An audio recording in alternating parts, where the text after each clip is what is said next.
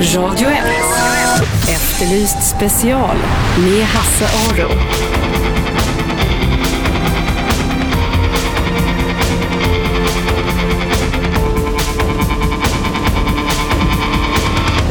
Välkomna hit till Efterlyst special här i Radio 1. Idag ska vi prata om stalking eller stalkning. Ni får välja uttal själva. Eh, nämligen oönskad förföljelse. Ni har väl inte undgått att det går ett program i TV3 med mig och Sanna Lundell som heter just Stalkers och där vi eh, tar upp fall med stalkning och där vi konfronterar de som håller på att stalka. Ikväll 21.00 är det sista programmet för säsongen så missa inte det. Men vi ska prata om det här problemet idag tänkte jag och ni som eh, lyssnar får gärna ringa in frågor på 0200 11 12 13 eller så kan ni också gå in på Efterlysts hemsida, höll jag på att säga, Efterlyst Facebook-sida menar jag. På Facebook, Efterlyst alltså. Eh, så kan ni skriva frågor där om ni vill. Eh, om ni inte vill ringa in. Alltså 0200 11 12 13 eller gå in på Efterlysts hemsida och eh, skriv frågor om ni vill. Med mig i studion finns Peter Jonsson, välkommen hit. Tack, tack. Peter är säkerhetsexpert och har jobbat mycket med stalking och medverkar också i tv-programmet kan man säga. Du Peter, du har varit med i programmet men du, det är inte förrän nu som du ser dem vad jag förstår. Nej, det är riktigt. Jag måste säga att det är ju väldigt spännande. Ja, tyckte jag också när jag såg första programmet. Ja, visst är det det. Men, men eh, eh reaktionerna jag har fått att man, det är ett samhällsengagerande program. Och ett, mm. viktigt, ett viktigt program också på så sätt att man tar upp en situation som oftast nästan är ogörlig för den som är mm. drabbad. Mm. Ja, det är det vi har lärt oss, att, att myndigheterna står hyfsat maktlösa mot eh, folk som förföljer andra människor. Ja, jag tror man negligerar egentligen vad som händer med individen som blir utsatt. För att det är en, jag kallar det mental våldtäkt. Mm. Det, det, är så. Och även om det ibland inte är något fysiskt våld involverat så blir det så begränsat. Du blir så rädd. Mm. In till paranoid faktiskt. Mm. Och ganska ensam känner man sig också. Ja, helt isolerad. Många tror inte på det. Nej. Alltså, omgivningen menar på det där är väl inte så farligt. Han, han eller hon kommer snart sluta. Så att, eh, nej, jag tycker det är ett, ett otroligt intressant fenomen och också ett program som vi gör som är så mm. Det är någonting det pratas om mycket nu, inte bara tack vare det här programmet. Varför har stalking kommit i fokus nu? För det kan ju inte vara någon ny företeelse. Nej, nej, stalking har funnits så länge människan har funnits, alltså, hållit jag på att mm. säga. Men det, det, kan man nog anta. Ja.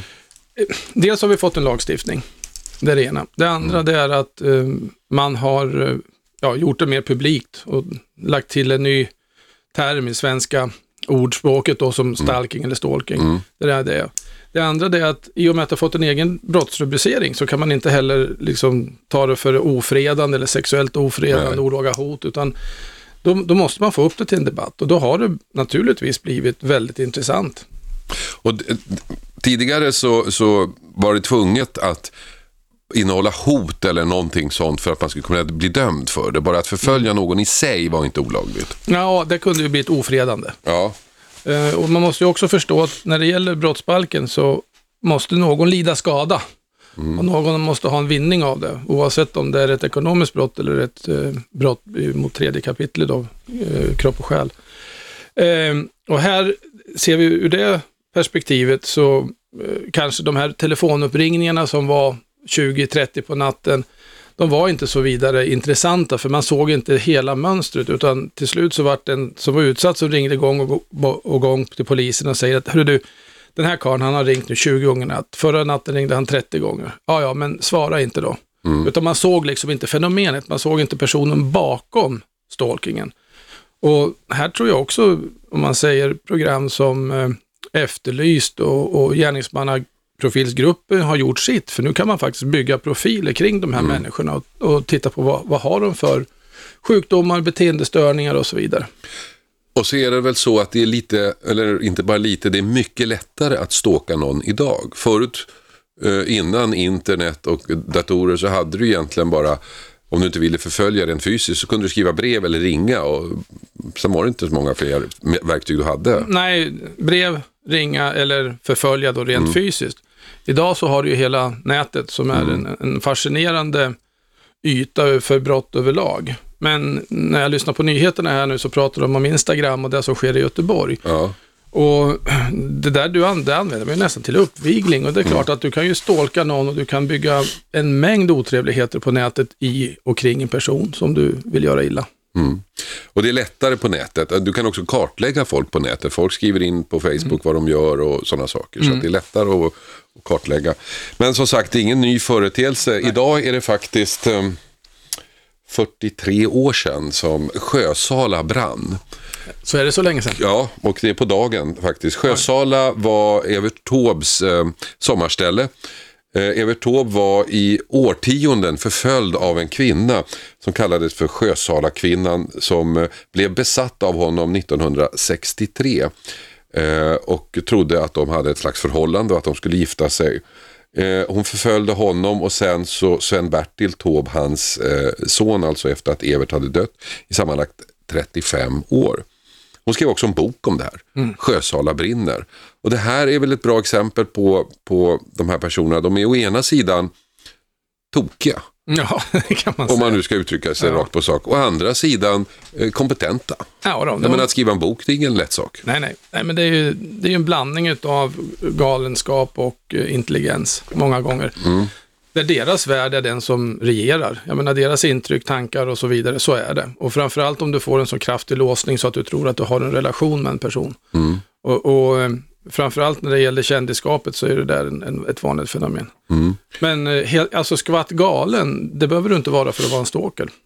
Du kan vara men det är nästan en fördel om du inte är det. Ja, de flesta anser jag har ju en beteendestörning, alltså en karaktärsneurotiker eller något liknande. Och det, att sätta en sjukdomsstämpel på det, det skulle inte jag göra om jag var psykiatriker, för det går inte. Nej. Ni lyssnar på Efterlyst special. Vi pratar om stalking eller stalkning som det korrekta svenska uttalet egentligen är. Ikväll är det sista avsnittet av Stalkers i TV3. Ett program där Peter Jonsson som ni hörde här medverkar. I programmet eh, så är det jag och Sanna Lundell som träffar personer som är förföljda och vi konfronterar också de som förföljer. Det finns eh, fyra olika sorters stalker eh, i en, i en någon slags psykologisk mall man har gjort. Den hämndlystna stalken, det relationsstalken som är det vanligaste, någon som har haft ett förhållande med någon, kändisstalken och den socialt inkompetente stalken. Och jag tror att eh, Peter i programmet, så den socialt inkompetente stalken har vi inte haft med faktiskt. Vi hade några sådana fall på gång men vi la ner dem. Men när det gäller då hämndlystna stalken, den relationsstalken eller kändisstalken, där, hade vi, där har vi haft exempel på alla i programmet. Absolut. Eh, och, jag menar, den, de lättaste egentligen är ju att ta fram relationsstalken. Det är oftast en man, kvinna, eh, som har haft en relation, tillfällig eller en längre, där den ena parten har jäkligt svårt att släppa. Och man måste också förstå att där finns det då kontrollbehov och ett maktutövande då som, som den ena parten besitter och kuvar den andra med. Då. Och det måste jag säga att det- när, när det här lyfts upp i programmet så får jag reaktioner av att det är så hemskt att det kan vara på det här sättet. Att, att det bara få, får vara så här. Vi, hade ju, vi har ju haft två fall som har varit extrema. Det ena var Pernilla som blev förföljd av sitt ex i mer än 10 år. Och det andra är Karin som blev föl, förföljd av sin exman i 30 år. Men gemensamt, jag har ju träffat alla de här stalkarna, oavsett vilken grupp de tillhör. Det som slår mig att de har gemensamt allihopa, det är att de tycker inte att de gör något fel. Nej, de tycker de gör rätt. I deras värld så är det här helt rätt. Och de, de vill ha svar på en fråga, och, eller de vill ha en förklaring eller något liknande, eller de vill ha en kontroll. Och, och för deras, I deras värld så är det här sant. Och sen oavsett vad motparten svarar så är det fortfarande inte svar på just den Nej. frågan. Så de, ant- antingen tycker de att de har rätt att göra det här därför att de är förorättade på något sätt. Och, och, eller också tycker de att det, att det är de som är offret. Ja, de det är kan- de som är förföljda. Ja, ja. De kan vända på situationen helt och hållet. Och det har du ju märkt i konfrontationerna, att det är Ja. inte jag, det är hon. Ja, precis. Utan man vänder på det. Och det är också ett sätt att, så att säga, berättiga det du gör. Att förklara egentligen för dig att du har rätt att bete dig på det här sättet oavsett vad personen säger. Och det här är svårt att ko- komma igenom, riktigt svårt. Den re- reaktion som vi inte har fått men som vi pratade mycket om det är ren och skär aggressivitet. Det har vi faktiskt inte fått. Nej, och det tror jag också beror på att vi har eh, än så länge inte konfronterat de här riktigt sociala inkompetenta. Nej. Där eh, ligger riskbilden betydligt högre faktiskt. För, för att, för att där, de kommer sudda ut gränsen vem du är också vid en konfrontation. Men samtidigt måste man också förstå när, när människor konfronteras på det här sättet så, så reagerar man på två sätt. Antingen flyr du eller fäktar. Och ett sätt att fäkta det är att vara, för, vara förklarande. Mm. Och vi har ju sett hur en hel del av de du har konfronterat också, de har liksom knappt svarat på frågorna bara gått därifrån. Mm. Ja. Gått in i en lada eller liknande. Ja. Eh, och en, en blev arg, eh, som vi konfronterade en kvinnlig stalker. Hon blev arg på riktigt, men inte aggressiv, det vill jag inte påstå. Hon blev förbannad. Förbannade. Blev hon. Och det kan ju också bero på att vi konfronterade henne på ett, på ett ganska mm, ja, brutalt, men direkt sätt i alla fall. Och sen så back, de andra konfrontationerna backade vi lite och tog det lite lugnare. Och då fick vi inte den här eh, arga reaktionen. Ni lyssnar på Efterlyst special. Vi pratar om stalking, eh, olaga, olaga förföljelse, människor som förföljer andra. Detta med anledning av att ikväll är det sista avsnittet av Stalkers i TV3. TV-programmet där jag och Sanna Lundell eh, intervjuar människor som är förföljda och konfronterar också de som förföljer. Har du några frågor om stalking till Peter Jonsson som är säkerhets, säkerhetsexpert och som sitter här i studion med mig så ring gärna in 0200 11 12 13 0200 11 12 13 eller gå in på vår Facebook-sida, Efterlysts Facebook-sida eh, Facebook slash Efterlyst eller något sånt eller så söker ni bara på Efterlyst så kommer ni in där så kan ni mejla in frågor om ni vill till programmet. Men den centrala frågan eh, som många ställer sig som jag har träffat Peter är när är det stalking? Ja. Jag menar, vi har ju alla förmodligen varit i situationer där, där vi har känt oss eh, förorättade, där vi kanske har blivit övergivna, där vi har eh, haft kontakt med människor som egentligen inte vill ha kontakt med oss. Men när blir det stalking? Stalking, stalking inträffar när eh, du har upprepat nejet tillräckligt många gånger och personen upphör. Jag fick en, en annan fråga där om, om du har ett sånt här fan som hänger efter på alla konserter och sådant och tittar och, och finns i närheten utav, av sina idoler. Är det stalking? Per definition kan det väl vara det, men personen tar ju inte då kontakt Nej. och håller inte på med någon sån här olovlig uppvaktning, skickar inte blommor och så vidare. Ehm, det är klart att, att om, om jag träffar en, en kvinna på krogen och hon ger mig nobben och sen ringer jag upp henne dagen därpå och säger du, varför gjorde du det här? Jag tyckte det var så mys och så vidare. Nej, du får lägga ner. Jag vill, in- vill inte ha något med det att göra. Lägger jag inte ner då, då har jag ju inte förstått nejet. Nej. Utan om jag då fortsätter skicka blommor, börjar, börjar så att säga uppvaktningen då, i min tro att hon vill, vill eh, eh, ha mig, tills jag får ytterligare ett nej och ytterligare ett nej. Där någonstans börjar man gå över gränsen. Mm.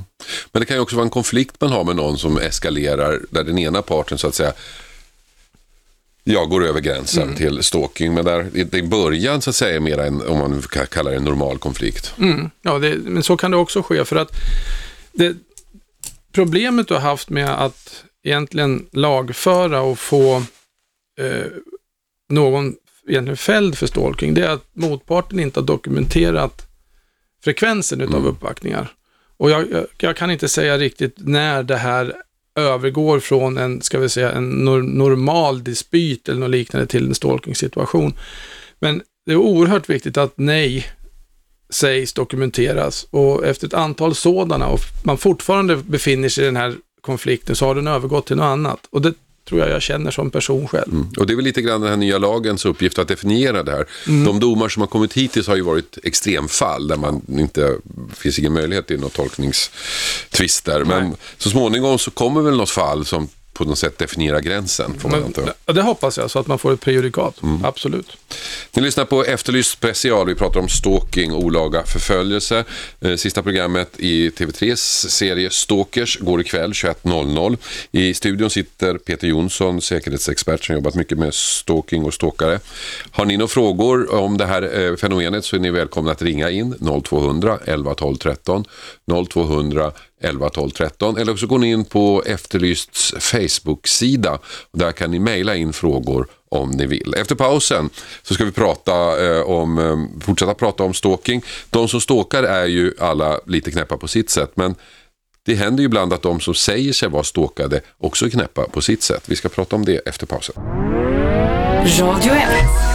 Efterlyst special med Hasse Aro.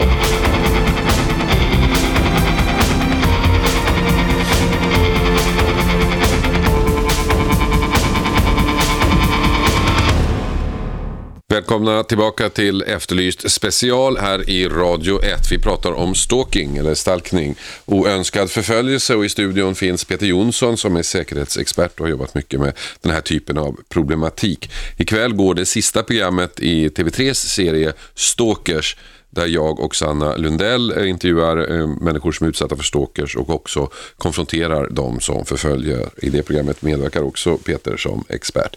Ni får gärna ringa in frågor om ni vill 0200 11 12 13 om ni har några frågor om stalking. Ni kan gå in på vår hemsida på efterlyst.tv. Nej, nu är jag där igen. Ni kan gå in på vår Facebook-sida på Facebook Efterlyst. Ni skriver Efterlyst där i sökfältet så hamnar ni på vår sida.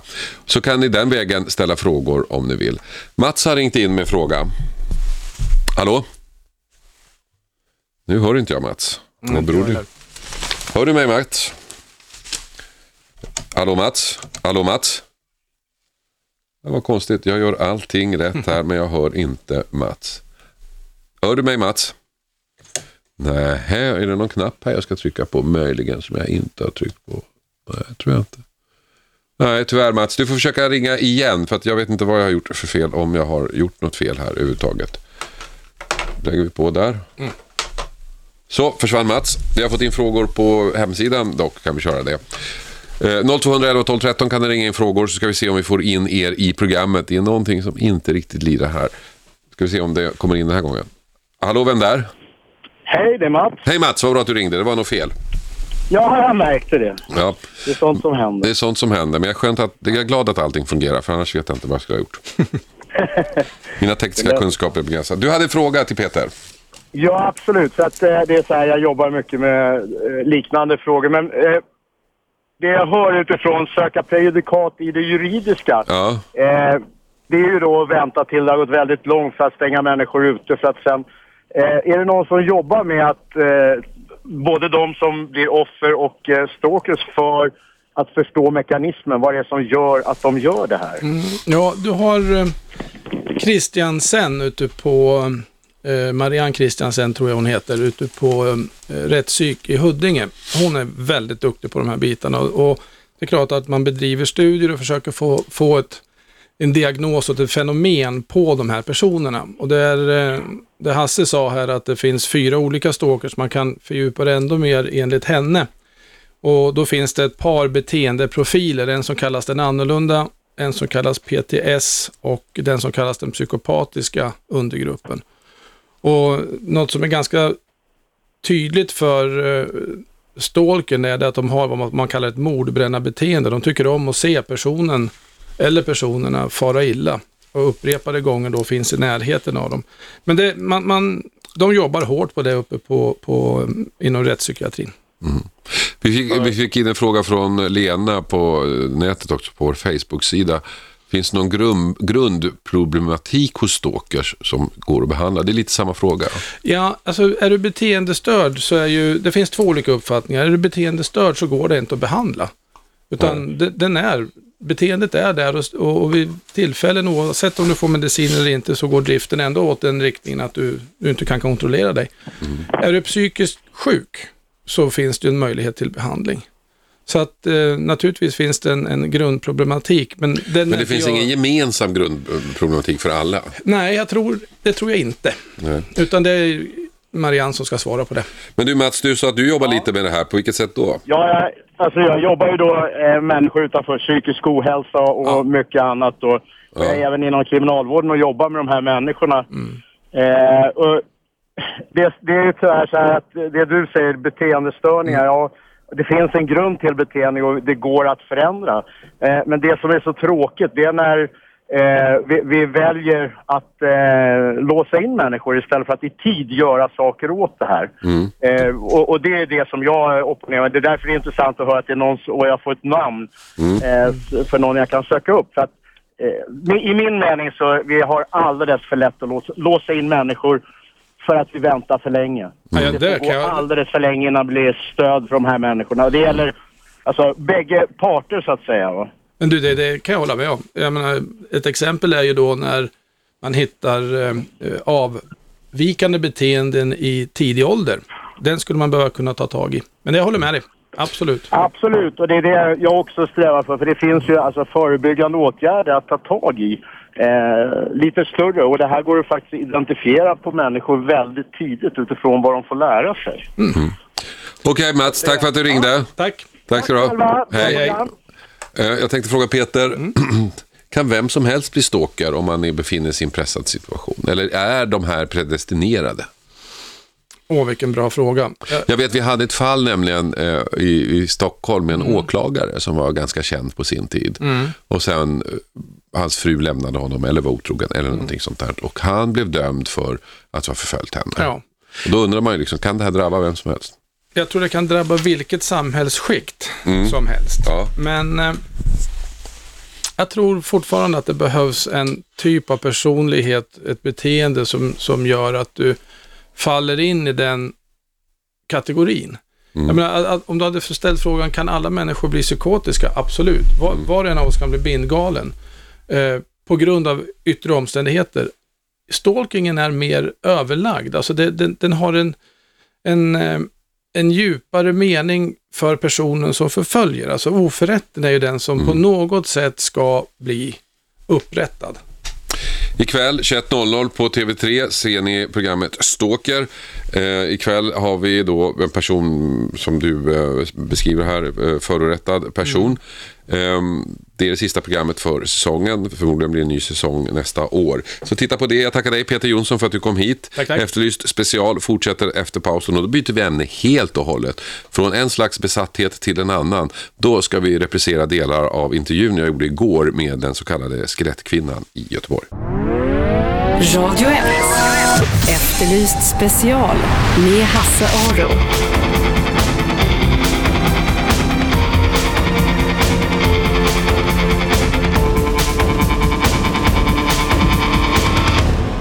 Välkomna tillbaka till Efterlyst special. Igår hade jag ju den så kallade skelettkvinnan Helena från Göteborg här i Radio 1 Efterlyst special. Hon var med på en telefonintervju. Domen mot henne kom i måndags och hon blev dömd till skyddstillsyn för brott mot griftesfriden.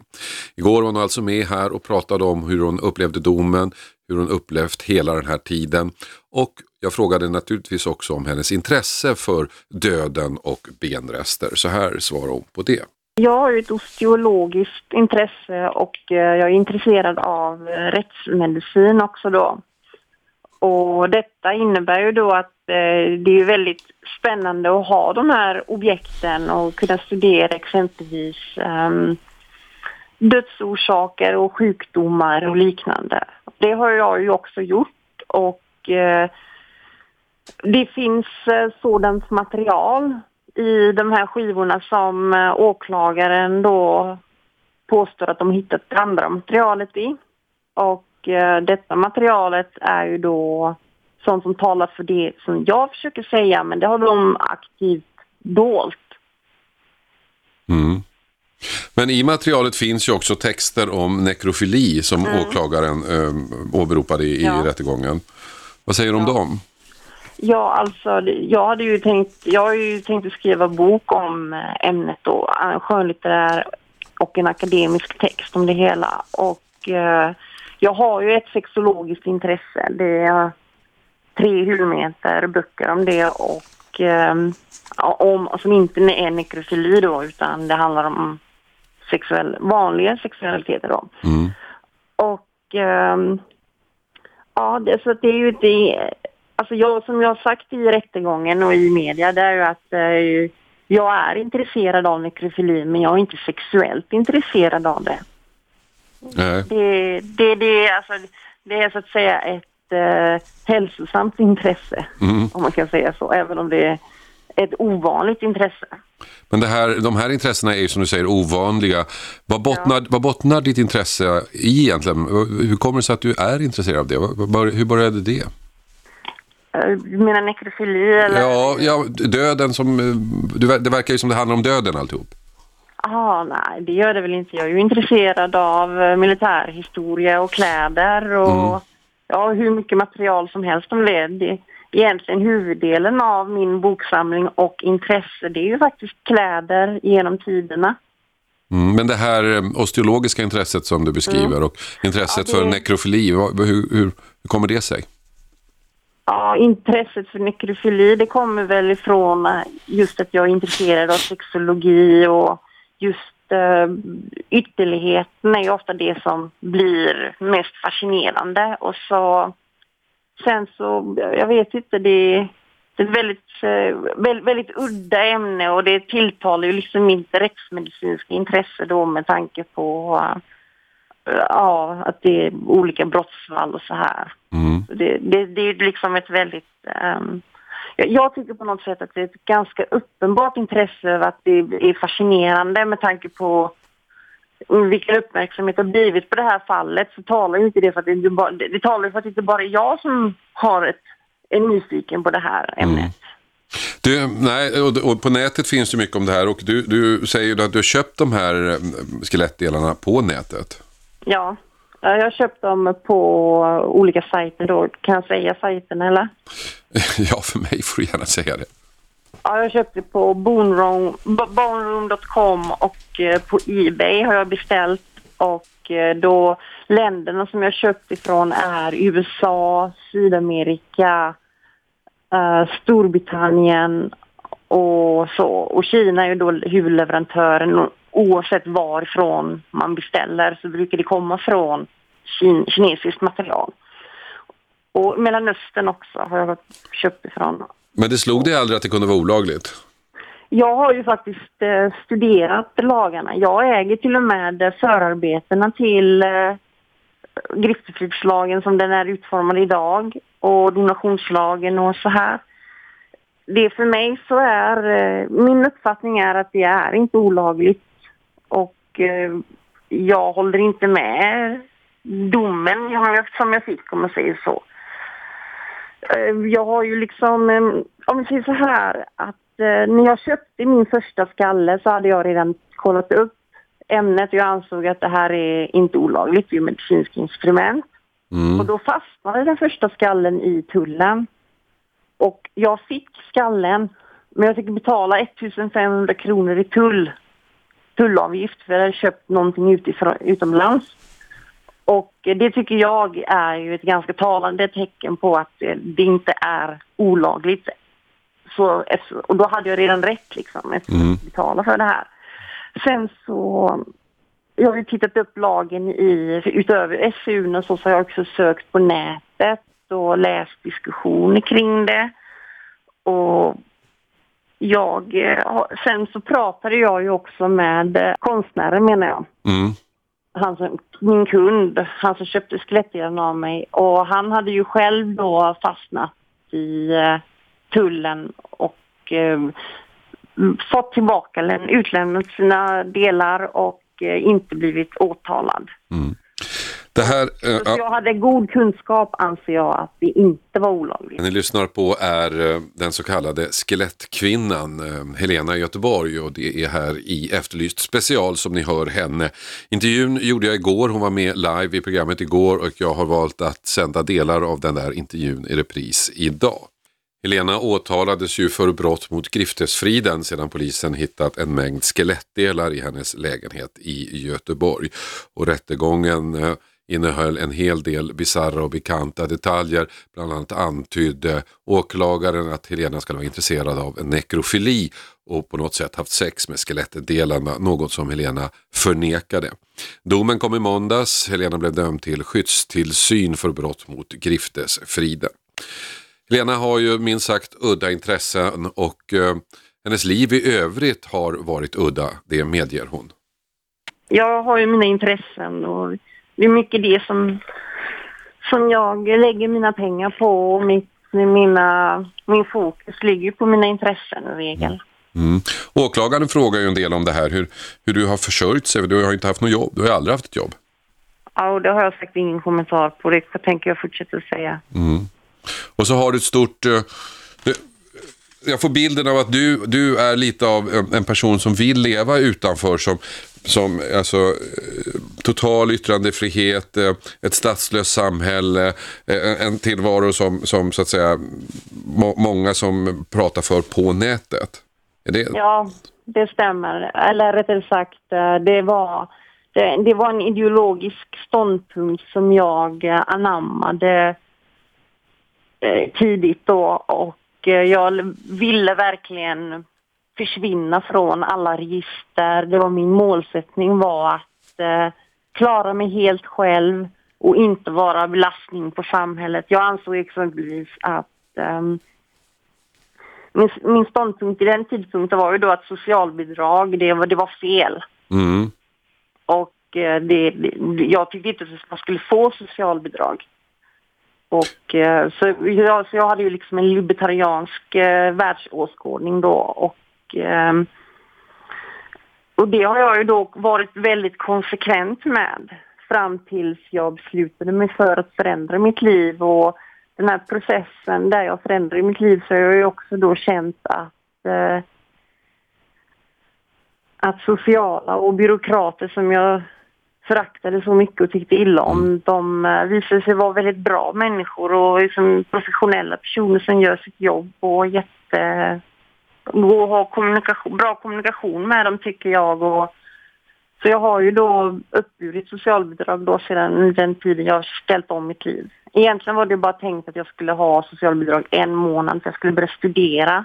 Mm. Men eftersom jag hade ett drogproblem så hamnade jag då på Nordhemskliniken när jag skulle börja studera och eh, jag kunde inte det helt enkelt och blev deprimerad. Men du, vad, vad, vad är det då som är fel med samhället? Vad är det som du då reagerade på när du ville leva utanför samhället utan att vara beroende av samhället? Eh, Jag tyckte ju att eh, jag känner, alltså nu, nu är det så här, nu jag vill få detta sagt bara att Ja. eh, den uppfattning jag hade då är inte en uppfattning jag har idag. Nej, det har jag förstått.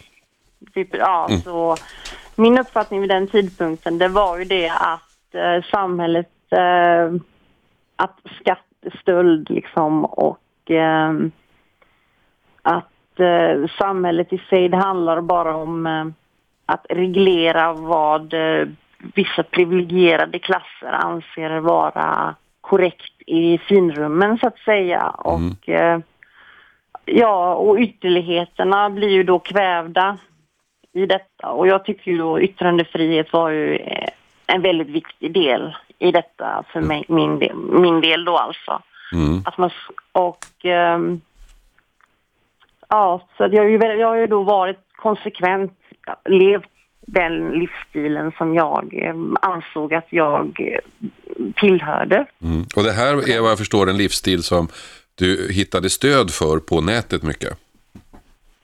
Ja, det gjorde jag. Det var, vi var väldigt många som delade denna uppfattningen på nätet. Mm. För att det är ju inte så att man sitter i, på café med någon eh, vanlig knegare och pratar om hur man försöker hålla sig undan samhället och inte skaffa pass och ID-kort och sånt. Men sen så har du då ändrat uppfattning, vad jag förstår. Ja, Varför? ändrat. Jag... ehm, jag vet inte riktigt. Det var en process som egentligen började av sig själv men eh, som stegrade när jag träffade då den kvinna jag var tillsammans med när jag anhölls. Mm. Och eh, vi hade då ett ett och ett halvt års lång eh, relation som var ett sorts samborelation nästan. Och den här processen då, det ledde ju till att jag eh, kände att jag var ju tvungen att ställa om mitt liv och det var dags att liksom växa upp. Den känslan hade jag och jag... Eh, och när jag samtidigt då söker vård och helt plötsligt så är jag inte påverkad längre av droger dygnet runt. Då, då, då, då ställs liksom allting på sin spets. Så jag kände där att, eh, att herregud, liksom, här är jag 37 år gammal och känner mig som en 14-åring. Liksom, jag har ingen arbetslivserfarenhet. Jag har inte...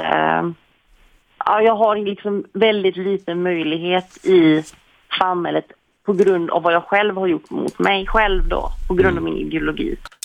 Ni lyssnar alltså på Efterlyst special här i Radio 1 och den ni lyssnar på är förutom mig, Hasaro, Eh, den så kallade skelettkvinnan i Göteborg, Helena som hon heter. Hon var med i eh, livesändning igår här i mitt program Och jag har idag valt att eh, reprisera delar av den intervjun eftersom jag vet att intresset är mycket stort. Helena åtalades för brott mot griftesfriden efter att polisen hittat en mängd skelettdelar i hennes lägenhet. I måndags kom domen. Hon dömdes till skyddstillsyn för brott mot griftesfriden. Vi ska fortsätta med intervjun efter pausen. Radio 1. Efterlyst special med Hasse Aro.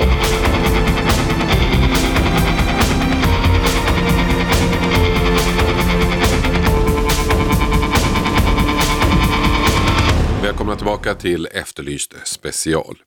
Igår så hade jag den så kallade skelettkvinnan Helena i Göteborg i liveintervju här i Efterlyst special. En intervju som jag väljer att reprisera delar av idag eftersom intresset varit ganska stort. Helena åtalades ju för brott mot griftesfriden sedan polisen hittat en mängd skelettdelar i hennes lägenhet i Göteborg. I måndags kom domen, hon befanns skyldig och fick skyddstillsyn. Så här reagerade hon själv på domen. Domen för mig, det, det var både positivt och samtidigt kändes det som ett nederlag. Jag... Ehm, det, det var väldigt befriande att det här eh, sexuella bitarna som åklagaren egentligen hade drivit hela frågan med, att det, det inte blev en dom på det liksom. För att det hade ju förstört allt i mitt liv. Jag hade ju inte kunnat återhämta mig. Ehm, så nu är det ju egentligen då bara frågan om eh, ja, hur, vi ska gå till, hur vi ska gå vidare och jag vet inte riktigt hur jag vill göra Nej. själv. Alltså det, jag, eh, ja, det, som är, det som är lite av kärnpunkten här är ju lite grann hur, hur länge varar den så kallade griftesfriden och, och eh, det här med skelett. Eh, hur, hur gamla får de vara och sådär. Eh, och det, det, det står ju inte riktigt klart i domen vad jag förstår. Och det finns ju anledning att eh, få det klarlagt och därmed överklaga. Men det innebär ju så, å andra sidan ytterligare eh, uppmärksamhet för dig. Har du funderat på hur du vill göra? ja, kan jag ställa frågan igen? Ja, om du, om du vill överklaga eller inte. Ja, jag, jag och min advokat vi har bestämt att eh, vi ska eh, avvakta under julhelgen och eh, se vad vi gör. Mm. Vi, vi kan inte bestämma ännu. Nej. Eh, hur har du upplevt hela den här grejen? Ja, det har ju varit eh, fruktansvärt. Det, har, det, det, det här är ju liksom en personlig tragedi för mig och en... ehm, ja, jag, vet inte hur jag ska säga, men det här har...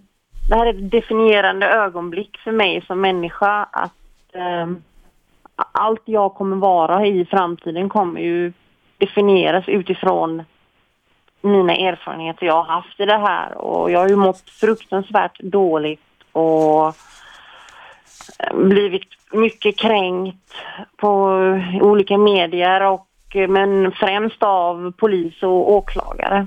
Mm, På vilket sätt? Ja, de behövde ju liksom, eh, eller jag skulle vilja påstå att åklagaren eh, på ett socialpornografiskt vis eh, frossade i eh, detaljer som eh, inte hade med mitt ärende att göra för det första. Och om det hade med mitt ärende att göra så var de ändå preskriberade detaljerna.